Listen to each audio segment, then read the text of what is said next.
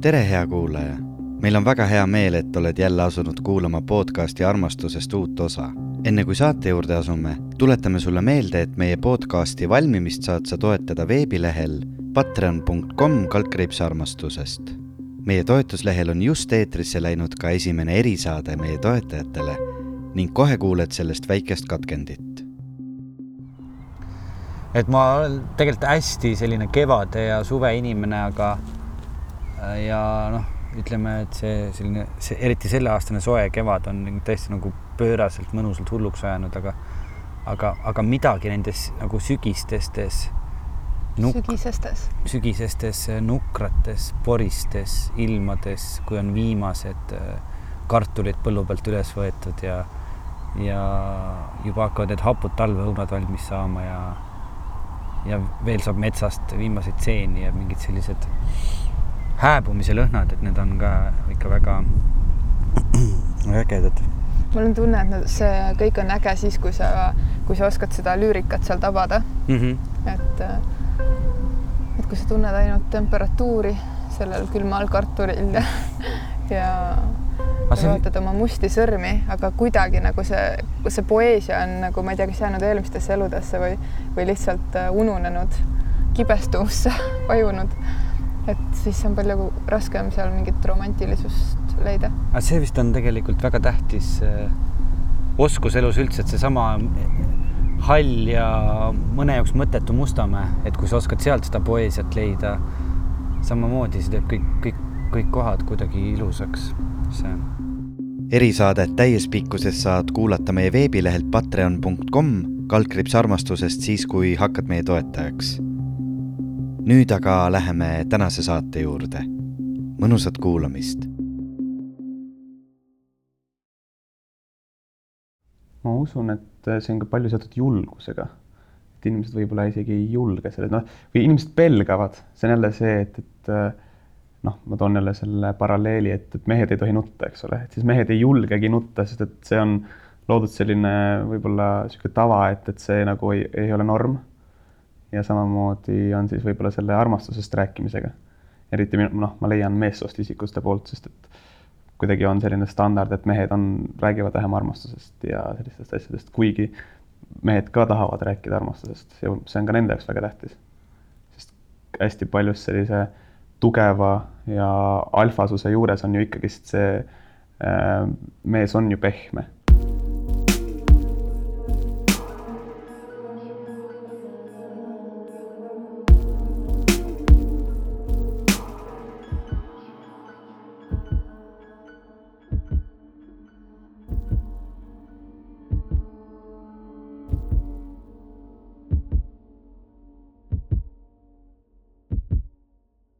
tere, armsad romantikud ja armsad armastuse vihkajad.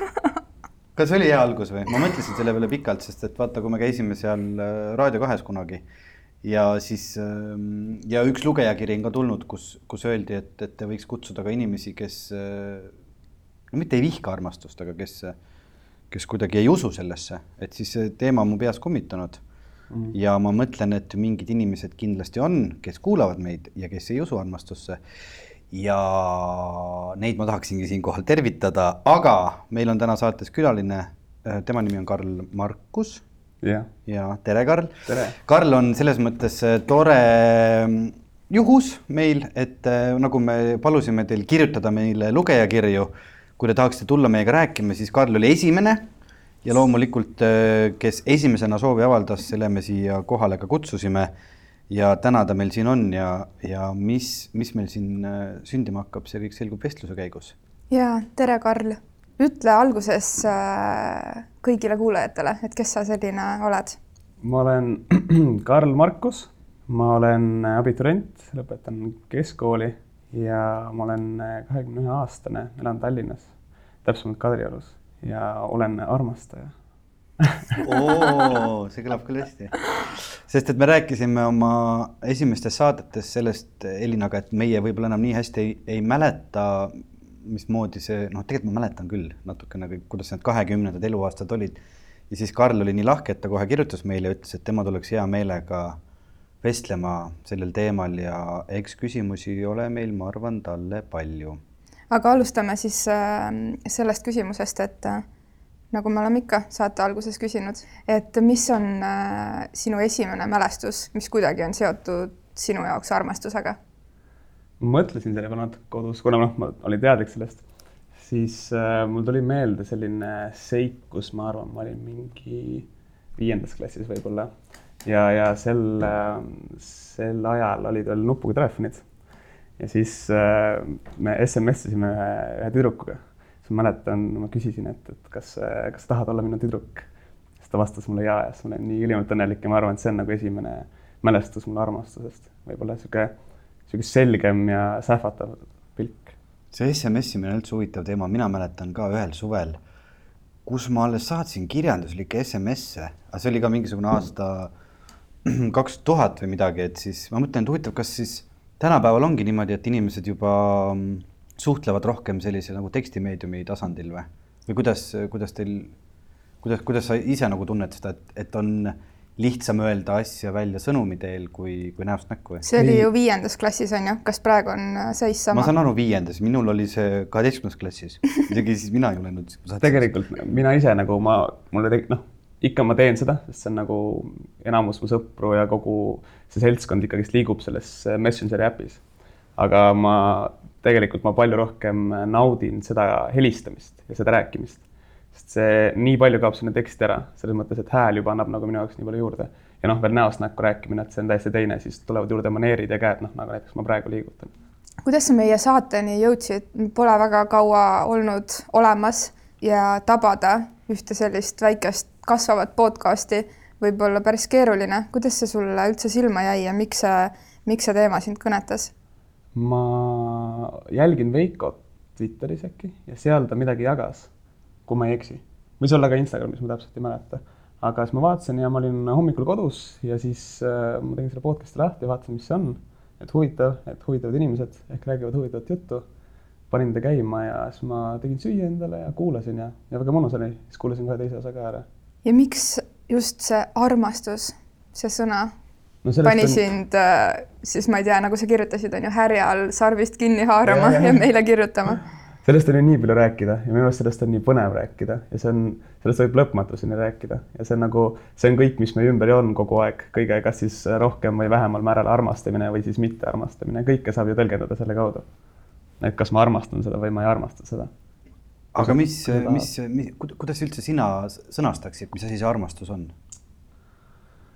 See on, ma saan aru, see on kohutavalt raske. see on, see on väga keeruline ja äh, ma just hiljuti avastasin, et on olemas üks veebileht. ma ei mäleta nüüd täpselt, mis selle nimi oli, aga me paneme selle sinna alla oma kommentaaridesse või saate kirjeldusse kirja, kus on siis hästi paljud inimesed äh, kirjeldanud seda, mis asi on armastus ja, ja, ja kuidas nagu nemad sellest äh, aru saavad ja, ja seal oli hästi palju huvitavaid sõnastusi ja, ja kui ma seda niimoodi sirvisin läbi, siis ma sain ka aru, et neid sõnastusi on väga palju, aga sellegipoolest äh, ma arvan, et me hea meelega kuulame sinu kasvõi mingeid väikseid mõtteid sellel teemal. no armastus, noh, minu jaoks on selline emotsioon, mis paneb mind käima ja paneb mind nagu tegema asju selle jaoks. kui midagi armastan, siis ma tahan seda teha ja palju, mitte liiga palju, sest liiga palju pole kunagi hea. emotsioon, mis ähm, ärgitab tegema võib-olla ja selle ümber on sul alati hea. kuigi armastus on palju keerdkäike, aga ma arvan, et ikkagist suuremas pildis mõeldes on sul hea. kes on need inimesed sinu ümber, kellega sa sellistel teemadel muidu vestled? no sõbrad, ma, no me, me ei räägi, me otseselt nüüd ei istu maha ja räägi täpselt nagu armastusest, aga me räägime sellega seonduvatest asjadest, kellel, kuidas kellegagi läheb ja mis on seal seotud ja kas on mingit armumist või mingeid siukseid asju. kas sul on tunne, et sinuvanused inimesed räägivad piisavalt palju armastusest, eriti ma mõtlen mehed, või on seda ikkagi nagu vähe? vähe, aga ma usun, et see on kasvavas äh, olukorras selles mõttes, et see läheb aina paremaks, sest noh, minu vanemad ja noh, aina kinnisemad ja pidid olema hästi tugev ja nagu noh, pigem ei rääkinud sellistest asjadest ja mehed ei nuta, see vana hea stereotüüp, et ei, mees ei nuta, et see on nagu imelik oma emotsioonide nagu väljaelamine. aga ma arvan, et seda on aina rohkem või noh, vähemalt minu puhul. et äh, mina, mulle meeldib küll rääkida armastusest aga kas sa oled üles kasvanud kuidagi mingis sellises perekonnas, kus äh, sa oled saanud äh, rääkida oma tunnetest äh,, sest et armastus ei ole alati nagu suhted nii-öelda on ju mehe-naise vahelised suhted, et armastus mm -hmm. võib olla suhted, aga ka kõike muud. et kas sa oled, mis sa tunned, millises keskkonnas sa oled üles kasvanud selle teema peale mõeldes? ma arvan, et ei ole nagu just nii palju seda rääkimist armastusest, aga ma tunnen, et ma olen alati ümbritsetud armastusega olnud. Et mu vanemad on mulle seda alati andnud. ja noh, õde ja muud sugulased. et meil on niisugune noh, tugev ja hea suhe omavahel, et mis on kindlasti väga tähtis osa selle jaoks, et jõuda üldse selleni, et rääkida armastusest aga kust üldse ütleme, sinuvanuses inimesed on juba ütleme, elu näinud, elu kogenud, aga et kust see mm, informatsioon või teadmine sellest kõigest tuleb, et ma saan aru, üks, üks, üks koht ongi see, et on see keskkond, kus sa üles kasvad, kus sa näed seda armastust. Aga kas, kas keegi ütleme ka õppesüsteemis kuidagi analüüsib või räägib sellest või on kõik puhtalt niisugune filmide ja raamatute teema? filmid, raamatud ja kogemused, ma arvan, kusjuures see on huvitav küsimus, sest et äh, ma ei teaks küll, et koolis meil räägitakse armastusest või kuidas üldse armastada või miks armastada. jah, aga see on ju veider, tegelikult võiks veider. rääkida. ja see on eraldi teema, tuleme selle juurde tagasi, aga kooli osas mm -hmm. tahaks küsida, et mis, kuna ma, mul ei ole praegu kedagi sellises vanuses äh, tutvuskonnas, et äh, kas koolis üldse on täna perekonnaõpetus või midagi taolist, kus midagi räägitakse, kui me praegu keskendume suhetele näiteks? ikkagist on midagi sinnapoole. mis seal äh, räägitakse, mis infot seal jagatakse? Äh, psühholoogia ja seal on nagu, seal me räägime sellistest asjadest, suhetest ja igasugustest suhtumit-, suhtumistest ja kuidas võiksid asjad olla. Aga kas see tund on nagu popp selles mõttes, et kas sinu vanused, su klassikaaslased tahavad seal käia ja tahavad kaasa mõelda?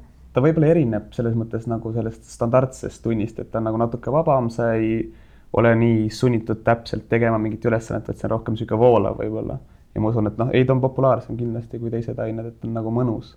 mina mäletan, meil küll armastusest kindlasti koolis ei räägitud, kui siis võib-olla kuskil abituuriumis sellises äh, filosoofialoengus, aga seda ma mäletan küll, et kuskil bioloogiatunnis näost punane õpetaja tõi meile need porgandid sinna laua peale, et kus me saime seda kondoomi sinna peale panna. Ja oli ka minu meelest perekonnaõpetuse tund, aga see jutt, mis seal räägiti, mul ei ole küll midagi meeles, et ma oleks koolist väga saanud mingit, pigem on see aastad vahemikus kakskümmend kuni kakskümmend üheksa olnud see suur õppimise aeg ja iseendale otsa vaatamise aeg. Aga selle koolituse ja koolisüsteemi ja kõige osas, see on üks suur teema, mis praegu nagunii lahvatab igal pool, et et tundub uskumatu, et me peame tegema läbi pika ja keerulise koolituse ja eksami, et saada autojuhiload. et, et me peame tegema ühte, ühte ja teist, et saada veel mingisugune tunnistus või kvalifikatsioon. aga, aga näiteks äh, lapsi võib saada ja teha nii, et äh, et ei ole vaja mitte mingit ettevalmistust, mingit paberit, mitte mingisugust äh, mm, koolitust läbida.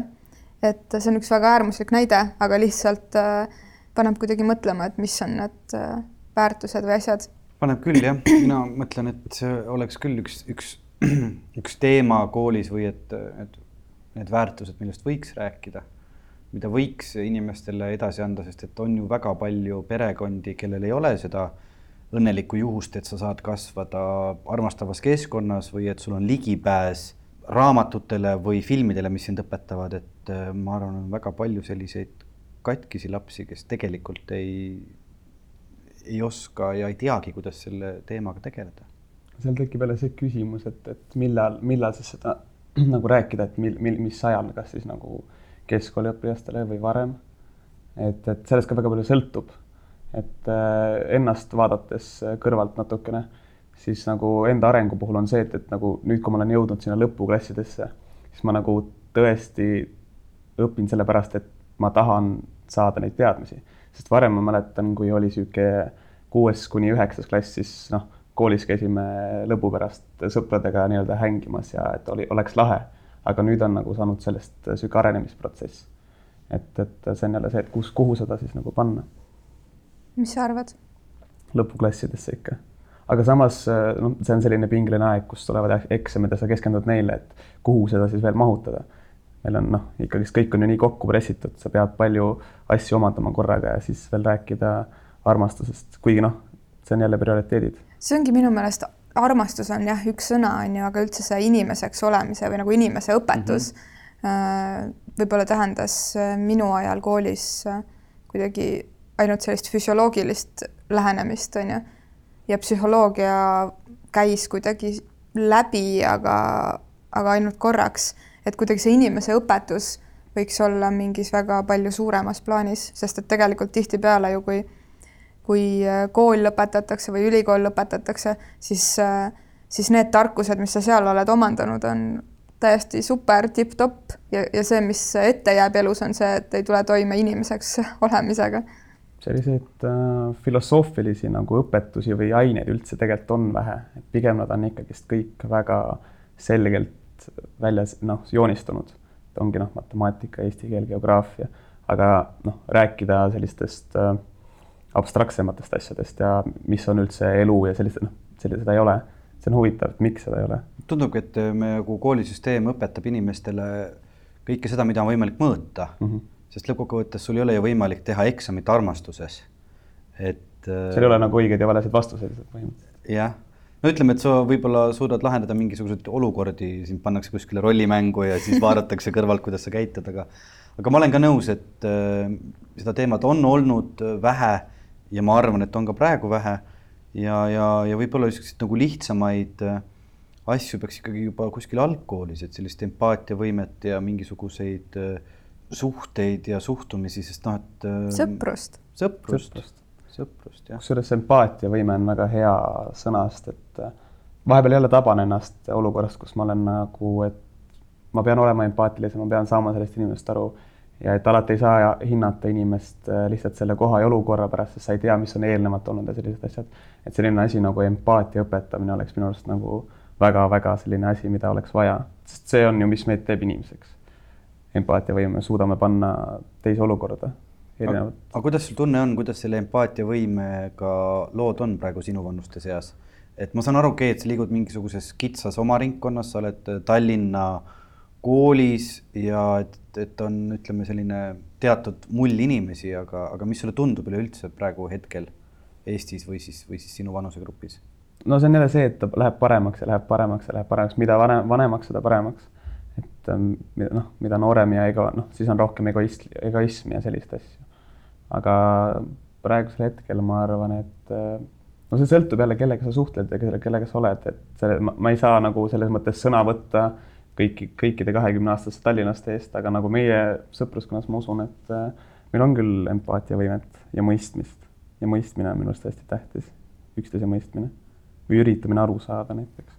aga kas sinuvanustel noortel on ka julgust, et kui nad näevad äh, kedagi või kui nende sõpruskonnas või tutvusringkonnas on keegi, kes, kes võib-olla mm, ei suuda selle empaatiavõimega nii hästi toime tulla või on neil pigem sellist nagu äh, rohkem viha sees, et kas, kas, kas te kuidagi pöördute nende poole või üritate neile oma sõnumit äh, jagada või, või, või? meil noh, minu sõpruskonnas on praegusel hetkel küll niisugune väga huvitav asi, ma ei tea, kas see on nüüd just fenomen, aga, aga mul on, mulle on tuldud noh, kunagi mingi hetk, kui sa ise ei taba seda ära äh,, sa lähed sellisele teele, kus äh, sa oled äh, ülbem ja egoistlikum ja noh, kui tuleb teine inimene sinu juurde, ütleb sulle, et võta hoogu maha ja et see ei ole päris tegelikult nagu päris sina, ma näen, et nagu noh, me, meie seltskonnas on seda, et selline asi on minu arust hästi ilus. nagu tore, kui inimesed julgevad öelda sellist asja, sest see nõuab ikkagist päris palju julgust. teisele inimesele ütlemine, et, et see, mis sa teed, ei ole päris see. aga mis see sinu seltskond tähendab, kes, kes need inimesed on, millega nad tegelevad, kas nad on kõik sinu vanused, mida te koos teete, mida nemad teevad? mis see sinu seltskond on? see minu seltskond on nüüd äh, minu koolist, jah, enamus on minu koolis, käisime kõik ühes koolis ja kuna mina käisin vahepeal vahetusaastal, siis äh, ma läksin ka aasta nooremasse klassi ja siis sealt mingite poiste grupp ja ongi nagu poiste grupp ainult. noh su, suuremas osas. ja vahetusaastal käisid sa kus? Saksamaal. kas oskad kuidagi, mis vanuses see oli? kuusteist kas sa kuidagi oskad eristada seda, no selles vanuses võib-olla nii hästi enam ei mäleta, aga aga et kas kuidagi see Saksamaa ja Eesti noored on selle armastuse teema koha pealt nagu teistmoodi või? et kas on tunda seal mingit kasvatuse või keskkonna erinevust? äh, keskkonnakasvatuse erinevust on väga-väga kõvasti tunda, et, et Saksamaa noored on äh, sellise iseseisva arengu poolest palju-palju aeglasemad. et ma arvan, et kui noh, panna nagu kõrvutada, siis võib-olla kaheksateistaastased Saksa noored on umbes samamoodi nagu kuueteistaastased Saksa noored, et seal on, meil on nagu Eesti noored on minu arust palju iseseisvamad ja nad tahavad ise teha rohkem, et seal on nagu rohkem seda, seda sellist ema kasvab või noh, ema hoidu. et hoian ema lähedale rohkem ja ei julge nagu ise teha, ise mõelda, ise olla. et ma, ma, üllatusin vahepeal, me käisime nüüd mingi aeg ka äh, siuksel programmil, kus me elasime kolm nädalat äh, Siikes ka ühes äh, linnas ja seal äh, mingi hetk ma sain oma teed selgeks ja siis ma nagu ütlesin, et jaa, et ma tulen ise koju, et, et mul ei ole vaja, et umbes, et keegi eraldi mind koju saadaks. see, see oli, nad olid nagu üllatunud, et nagu, et miks või et oled sa kindel või, et siis ma nagu, et jah, et ma olen juba täitsa nagu normaalses eas, et üheksateist, et ma võiks osata juba ise rattaga koju jõuda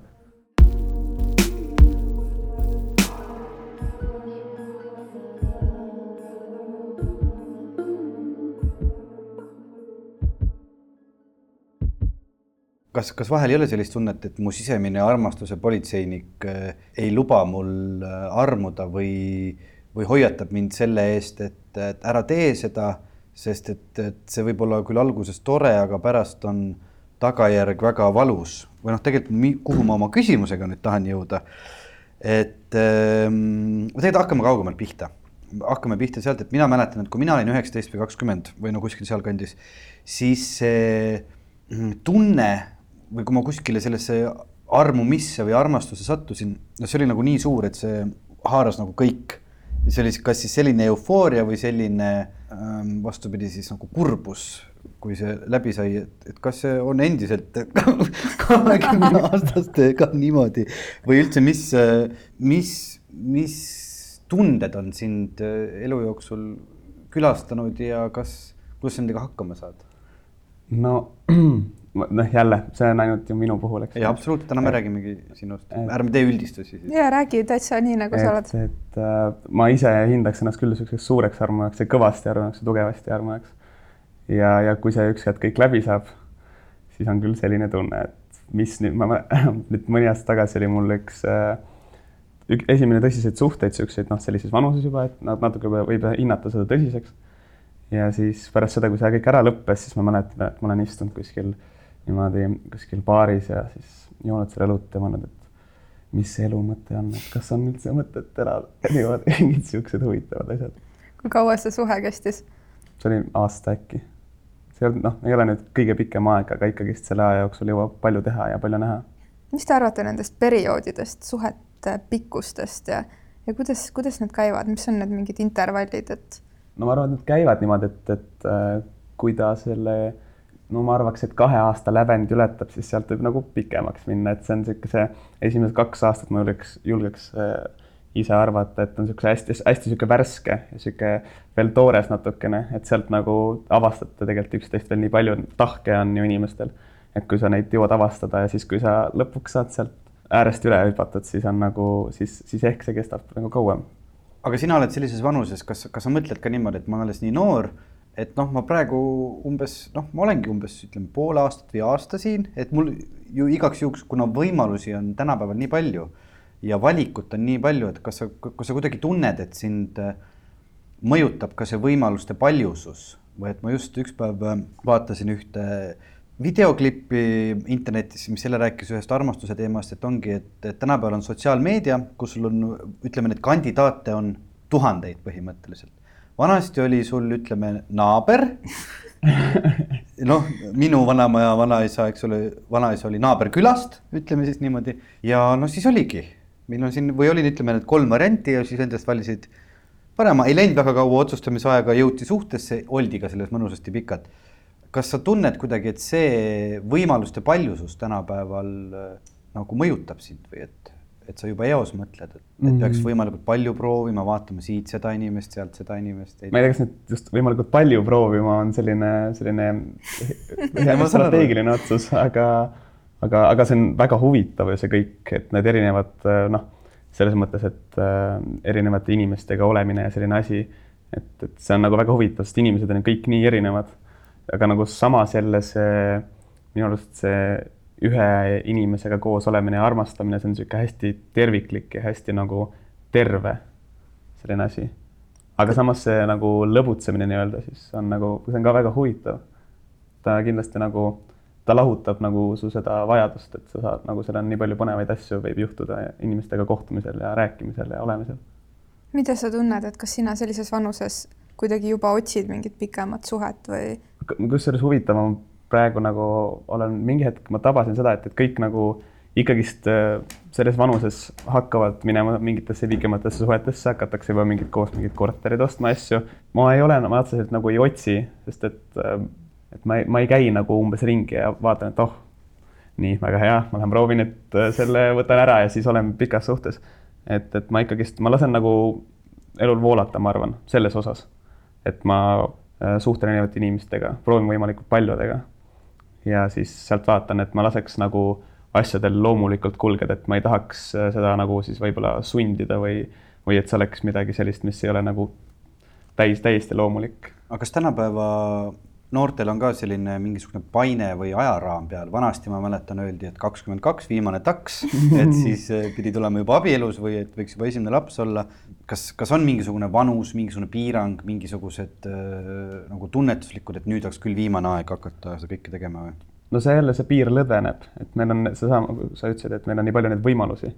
et see võimaluste paljusus annabki seda juurde, et me saame valida ja me saame rahulikult vaadata, et me, meil ei olegi, meil ei olegi nagu üks küla, kust sealt ühe võtad, muidu jääd ilma, eks ole, et sul nagu, kuna seda valikut on, siis see laieneb kindlasti. aga noh, ma, ma arvan, et niisugune no kolmkümmend, noh, mina ise mõtlen, et niisugune kolmkümmend, siis võiks nagu juba olla ja niisugust midagi, on ju. midagi sinnakanti ma korra küsin selle võimaluste paljususe kohta, et kas see äkki ei ole ka sul, kas see äkki ei ole ka hirmutav, et sul lõpuks ongi nii palju võimalusi, et ma ei suudagi valida ja ma otsin mingit ideaalset ja olen kuskil oma hirmus, et ma ei leiagi teda ja, ja jäängi otsima. kindlasti, kindlasti see nojah, see idea, ideaali taga ajamine, et see on nagu ma, ma, ma arvan, et ikkagist armumise puhul, eriti see hetk, siis noh, kindlasti sa ei näe neid kõiki pahemaid pooli et, et kui sa, ma arvan, et sellise armastuse puhul on just see, et kui sa juba armud, et siis nagu, siis sa nagu ei otsinud seda ideaali, vaid see juhtus kuidagi ise. kas sa armudes kuidagi kujutled oma peas, hakkad mõtlema, et nii, et see nüüd võiks olla see ideaalne inimene ja tulevik meil võiks selline välja näha ja on, on see ikka niimoodi või? on ja ikka on ja muidugi. tõesti, ma küsin, küsin küsimuse vastu, jah, ma küsin teie jah küsimusi, ma hakkasin tegema seda armastuse eksamit, vaata praegu. mul oli tegelikult äh, sa sarnane mõte sinuga, et kas see valikute paljusus võib ühel hetkel kuidagi vastupidiselt mõjuma hakata ja mul tekkis see mõte siis äh, vanade aegadega võrreldes, et äh, et kunagi, kui polnudki mobiiltelefone ja, ja inimesed võib-olla said kuidagi laulupeol kokku, on ju mm ja siis järgmine kord, kui Tallinnasse tuldi, oli võib-olla septembris ja siis see laulupeol lepiti kokku, et mm. et esimesel septembril Viru väravate juures tunned mu ära, ma panen punase mantli selga, onju. Vot see on romantika mm. -hmm. jah, aga ma mõtlen seda, et, et siis oli, sa pidid ikkagi pingutama, onju, et, et, et jõuda sinna sellel hetkel, onju, teadmata, kas see teine inimene tuleb ja see tekitab ka selle tunde, et, et kui praegu sa saad nagu swipe ida paremale ja vasakule, on ju, mis on siis noh, absoluutselt süvenemata või kuidagi täiesti pealiskaudselt üle liikuda, mis on ka okei okay,, kui sa nii valid. Et siis võib-olla toona nagu, kuigi sina ütlesid, et valikute vähe, vähesus oli väike, on ju siis ma ikkagi. ma rääkisin, ütleme siis oma vanaemast ja vanaisast. jah, aga ma mõtlen, et, et sul oli äh, kuidagi rohkem võib-olla pingutada vaja kuidagi ja. olla ausam, kuidagi tugevam, kuidagi. ja ma arvan, et ka see seiklus võib-olla oli suurem, sest tänapäeval on ju esimene asi, kui sa, keegi sulle meeldib, esimene asi, mis teed, on ju sa guugeldad teda või sa otsid üles tema Facebooki profiili ja hakkad vaatama, ahaa, näed, ta on selline inimene.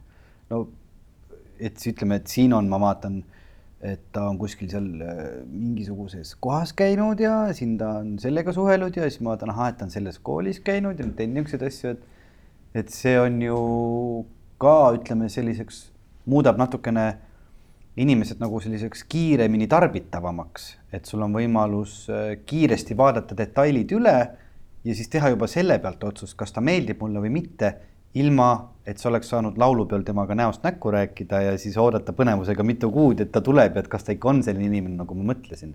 kas see on ju ka teema, ma arvan? muidugi on, et äh, seesama, et noh, kuidas siis praegu, praegu on, et võtad äh, Tinderi lahti ja siis on sul, äh, ma ei tea, viis pilti ja siis ühe lausega umbes kirjeldad ennast või noh, kahe lausega, mis iganes. Ja selle põhjal inimene siis otsustab, esi, esiteks ta vaatab, kui sa näed okei okay välja, siis ta vajutab su peale ja loeb sinu siis mõeldud kahte lauset ja siis selle põhjal otsustab.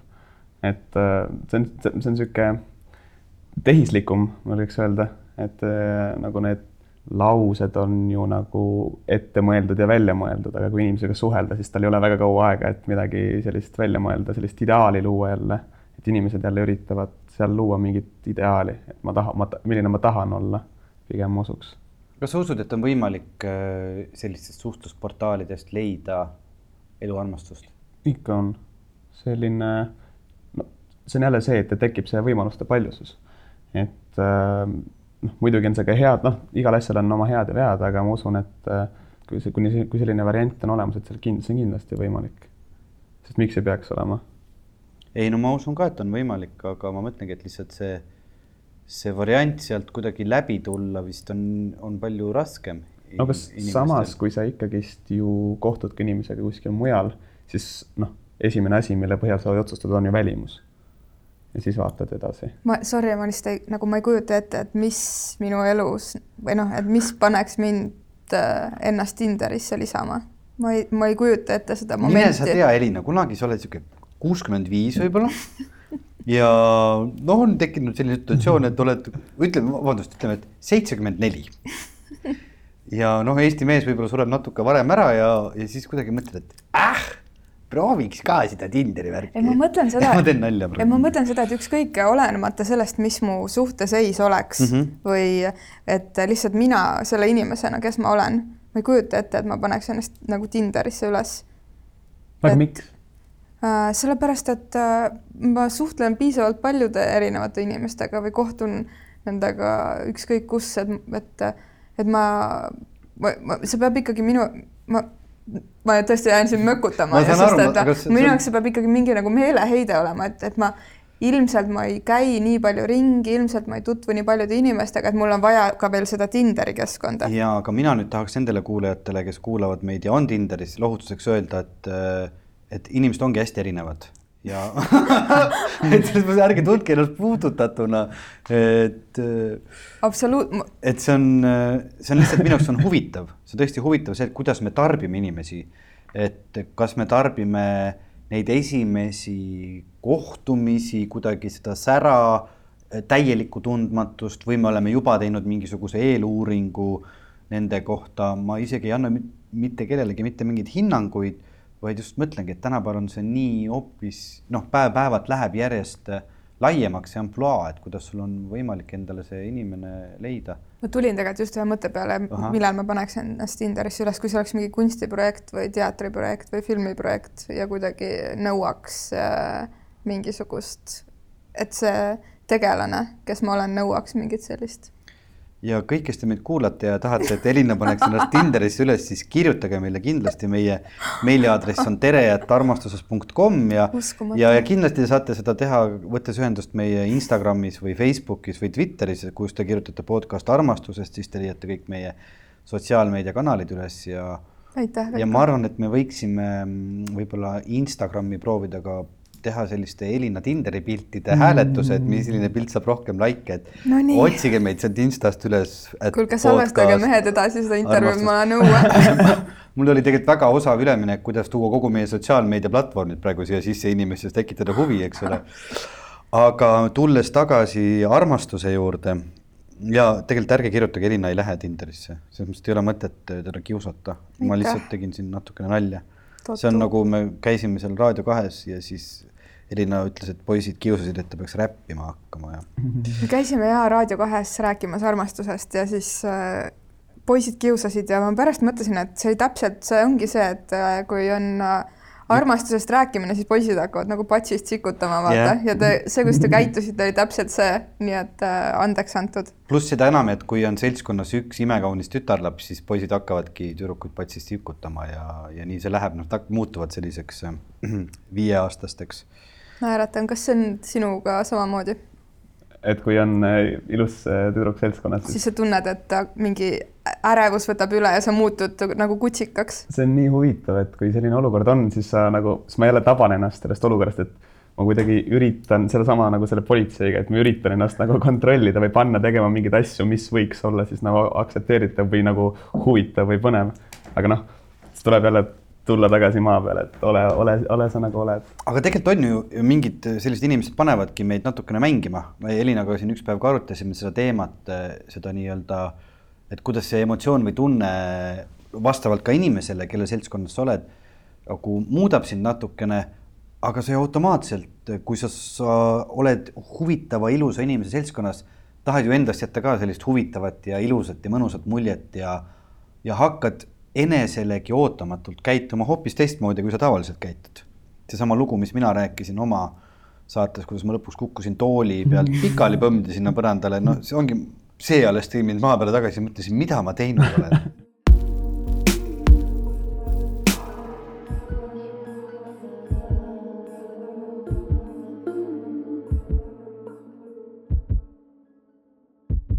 Karl, aga millal sa viimati armusid?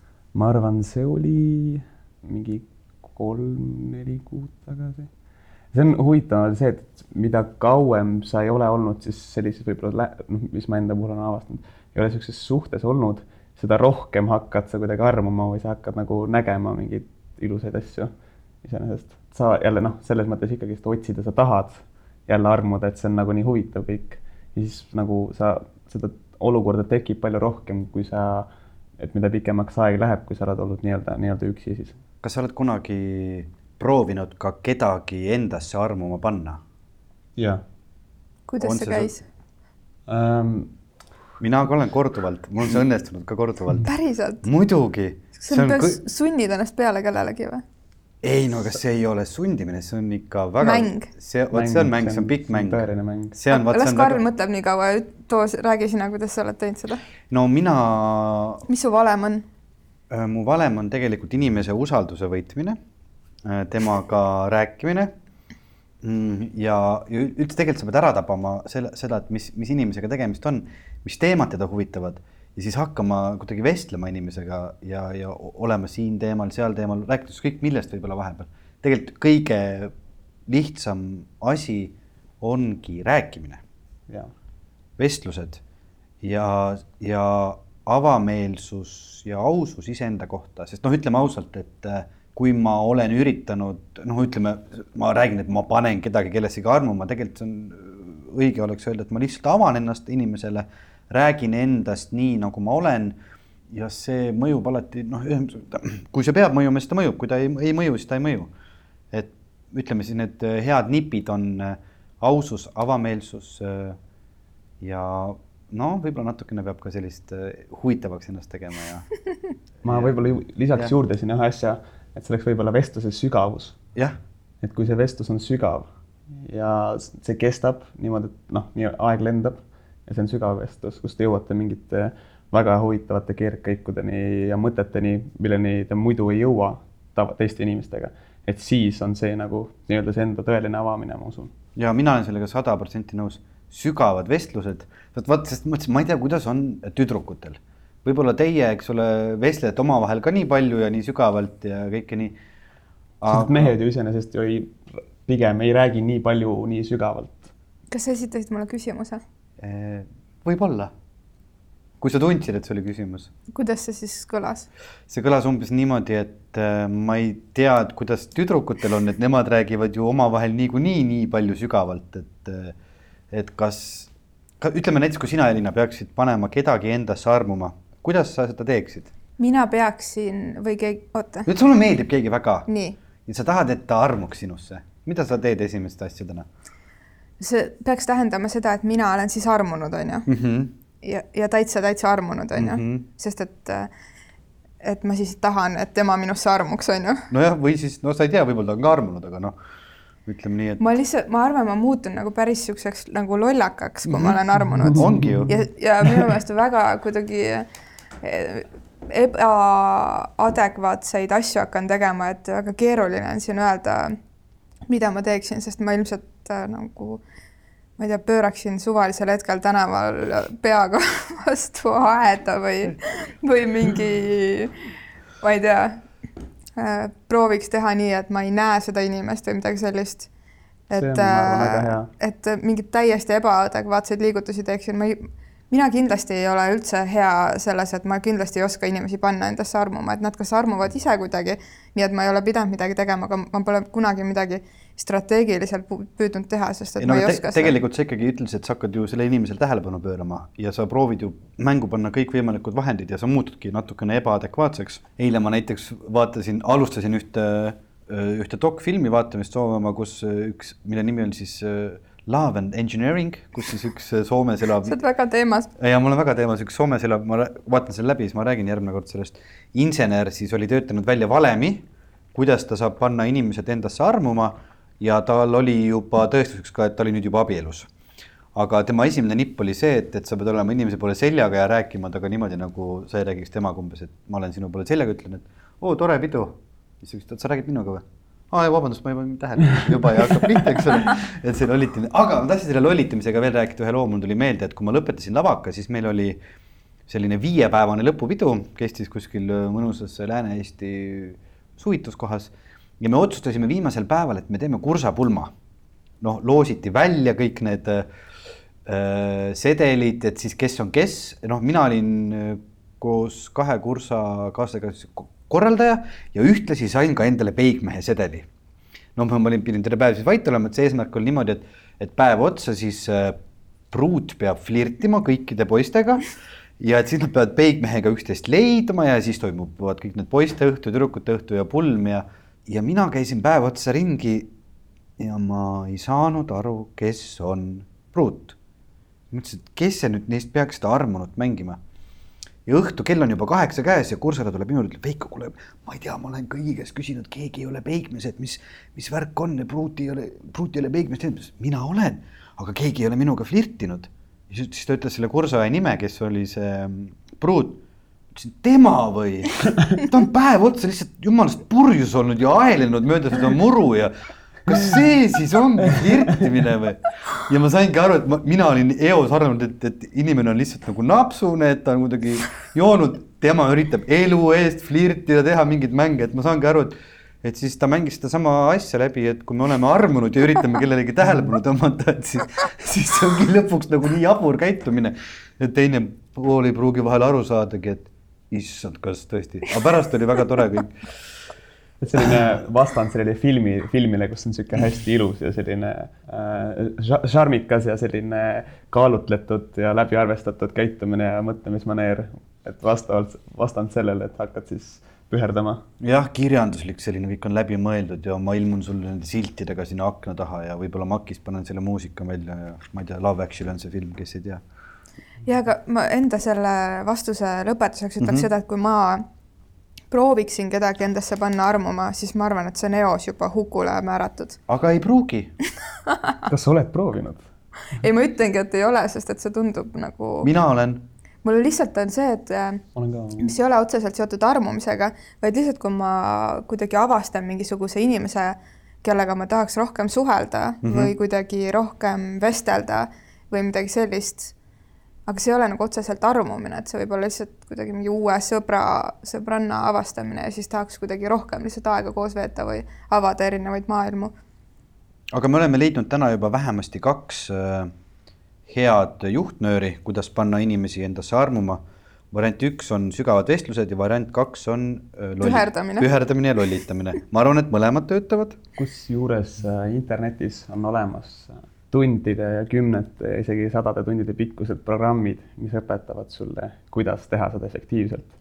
et väiksed, mingid niisugused väiksed nüansid, mis sa lisad niimoodi, et mis käituvad inimese alatead-, noh, inimesega, keda, keda sa üritad armuma panna endasse alateadvusega niimoodi, et ta nii-öelda siis lihtsalt armub sinusse. et, et äh, emotsionaalsete olenditena on siis nii-öelda võimalik äh, mõjutada seda, kuidas sa oled ja kuidas sa käitud. ma ei küsi, miks sa seda tead mul on, mul on üks sõber, mitte mina mul on üks sõber. päriselt on üks sõber, ta on, ta on täielik ekspert sel alal ja see on, see on naljakas.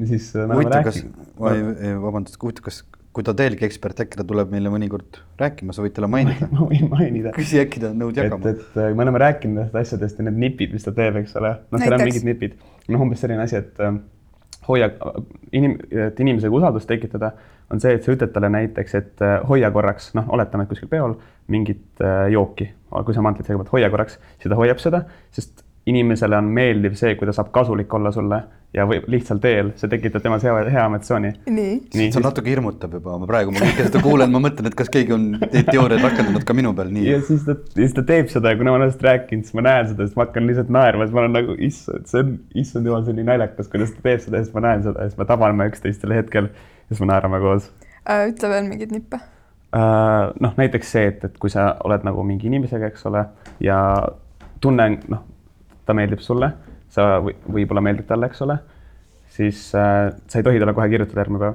et sa pead olema huvitav. sa, ja sa kunagi näiteks ei tohi, noh, selle nii-öelda teooria järgi, sa ei tohi äh, öelda, et küsib, et ja, et millal sul aega on, siis ütled, et ja, et mul ükskõik millal on ju, ütleme ükskõik mis aeg, vaid sa oled, pead alati olema, et, et ja, et ma vaatan järgi, et, et kas mul on aega. et, et äh, ei, see aeg mulle ei sobi, et teeme tund aega hiljem, olenemata sellest, kas sulle see aeg tegelikult sobib. et sellised äh, nagu sellist enda asja. kättesaamatuks tegemine. no näiteks see on jälle see huvitavus, et oh, issand, ta teeb midagi, järelikult on huvitav inimene mm,. või noh, et ei tea, et tal ei ole üldse aega, kas ta üldse tahab minuga kokku saada või et.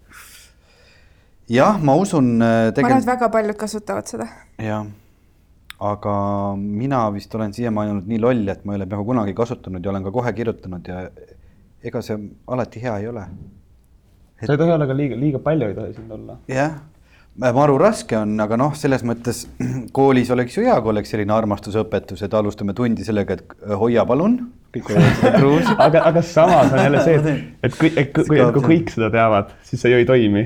sest et noh, kui mina näen seda läbi, siis ma mõtlen, et kui keegi minu peal seda teeks, siis ma ilmselt nagu tabaks aga noh, see oleks jälle huvitav, huvitav moment no,. ma arvan, et mina tänaseni oleks olnud lihtsalt see inimene peol, kes ütleb, et hoia palun seda, kui ma tahan midagi võtta, teadmata, et see on just mingisugune. ei no seda võib-olla on võimalik avastada nii, et no kui sa tead, et see inimene kasutab neid asju, siis sa noh, muidugi näed neid asju, onju. aga nagu kui see tegevus tegelikult otseselt ei ole sel hetkel vajalik, nagu et kui ta saaks panna ka selle siia laua peale, eks ole nii et ähm, kui teid huvitab see, et kas keegi ööklubis on teie peal rakendamas mingisuguseid teooriaid, siis tasub, tasub korra minna internetti ja otsida selle kohta natukene materjali. ja vaatame, äkki õnnestub meil ka kedagi kutsuda külla nendest teooriatest rääkima.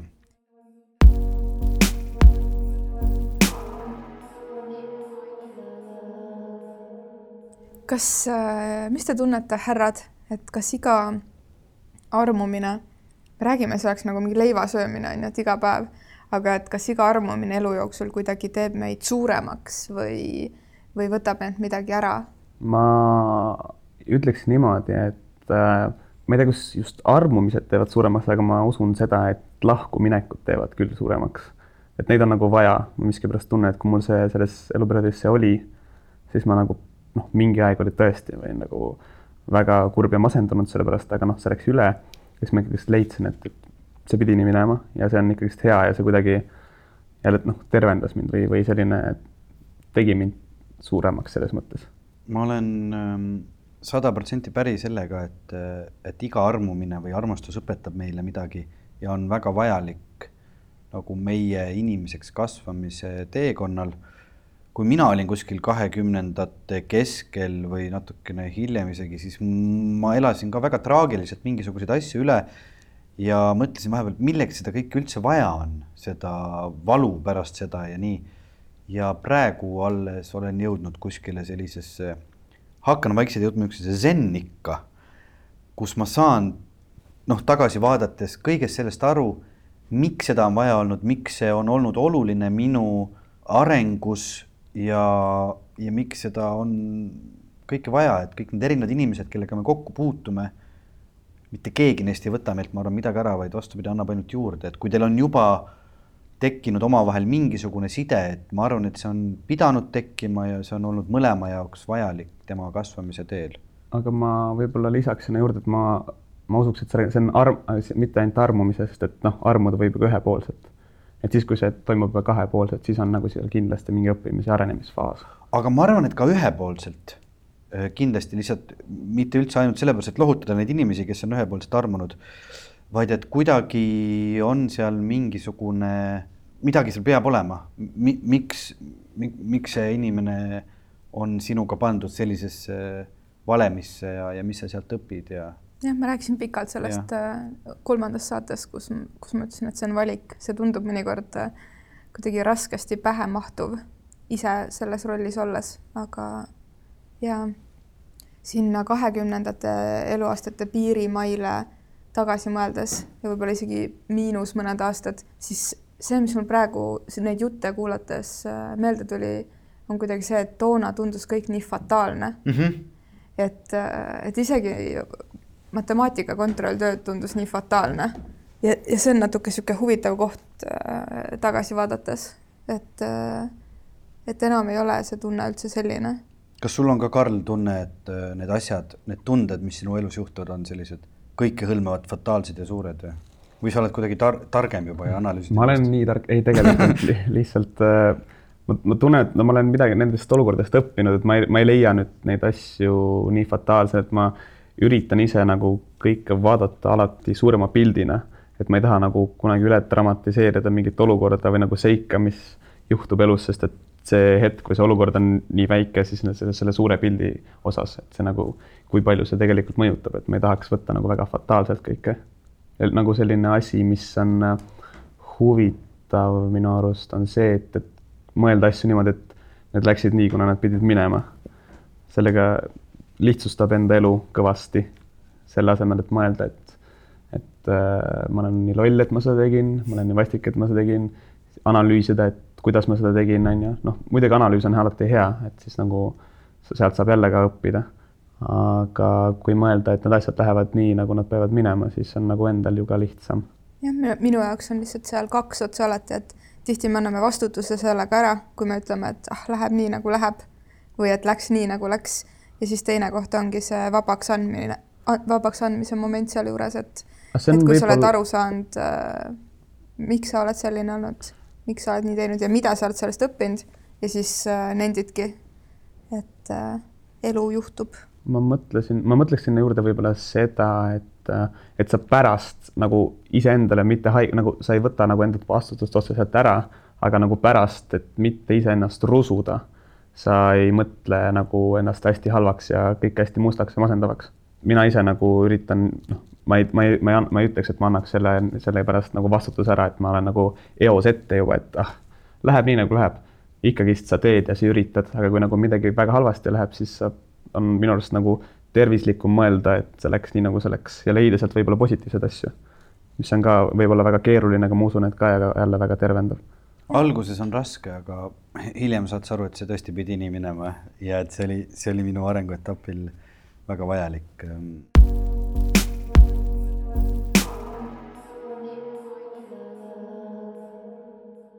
äkki Karl, sa tahad meilt midagi küsida? jah mm.. Äh, mida te soovitaksite kahekümneaastasele, kahekümne ühe aastasele noormehele armastuse osas? mina soovitaksin öelda hästi paljudele asjadele ja ja proovida sukelduda äh, lainetega kaasa, kui on äh, vähegi tunne, et äh, peaks minema, sest et et need kõik need hüpped, lained on väga vajalikud. ja ma just lugesin vahetult enne tänast salvestust ühte artiklit, kus ta kirjutas, et kahekümnendad on selja taga, jumal tänatud. Siis ma mõnes mõttes nõustun äh, temaga, et selles mõttes jumal tänatud, et, et ongi selline surfimise aeg võib-olla sihuke tormisel merel surfimise aeg möödas, aga et kui sa seal oled, et siis neid neid laineid tasub saja kümne protsendiga nautida ja, ja igast sellest kukkumisest midagi õppida. mina siis, kuna sa ei öelnud, et sa küsid seda soovitust endale, vaid lihtsalt kahekümne aastasele, ma ütlesin ka lihtsalt vist. noormehele, siis äh, minu meelest kahekümnendad on tohutult äge iga, iga kümnendik, üliäge, sest et äh, keha äh, füüsis on täispotentsiaalis äh,, tohutult on energiat äh,, meeletult vabadust, aega, et, äh, et kõiki neid asju silmas pidades ja sinna kõrvale lihtsalt, kui, kuna sa küsisid armastuse osas, siis ma soovitan äh, number üks, iseendaks jääda ja ausust iseenda vastu. ja number kaks äh,, austust nende inimeste vastu, kellega me erinevates olukordades kohtume, ükskõik millistes situatsioonides, ükskõik äh, kes millises rollis on. ma lisaks veel juurde ühe vahva, see, see ei ole laul, aga seda vist ei saa ka sinna playlist'i jaoks panna, on Jürgen Rooste on lugenud kunagi Jüri klubis äh, Higsi bosonit. vot see on minu arust ka sihuke hästi selline ja tema teine üks äh, luuletus Kas sa armastad mind igaviku ääreni on ka olemas Youtube'is mõlemad. et neid ma soovitaks kuulata, et need on hästi head. hea kuulaja, me olemegi täna jõudnud ma isegi ei ütleks lõppu, vaid kuskile järgmisse väikesesse peatuspunkti oma rännakul mõtiskluste ja vestlustega armastusest. ja meil oleks tohutult hea meel, et nendele inimestele, kellele väga meie podcast taskuhääling meeldib eh, ja tahaksid meie tegemisi toetada, et siis eh, minge meie kodulehele armastuses.com ja ja me oleme just äsja lahti teinud eh, oma Patroni toetajaprogrammi, te saate sealt natuke lugeda selle kohta, mis see tähendab ja anda oma pisikese panuse selle podcasti sündimiseks, et, et meil ikka uued osad teie kõrvaklappidesse jõuaksid ja kui te olete sotsiaalmeediasõbrad, siis jälgige meid endiselt Instagramist, Facebookist, Twitterist. aga kõige olulisem, kirjutage meile, nagu kirjutas Karl ja siin ta juba meiega istub ja meiega vestleb, te saite teda kuulata. kirjutage meile lugejakirju, küsimusi, mõtteid ettepanekuid, kellega rääkida või ettepanekud, et tahaks ise tulla rääkima. kohtumiseni. head aega. head aega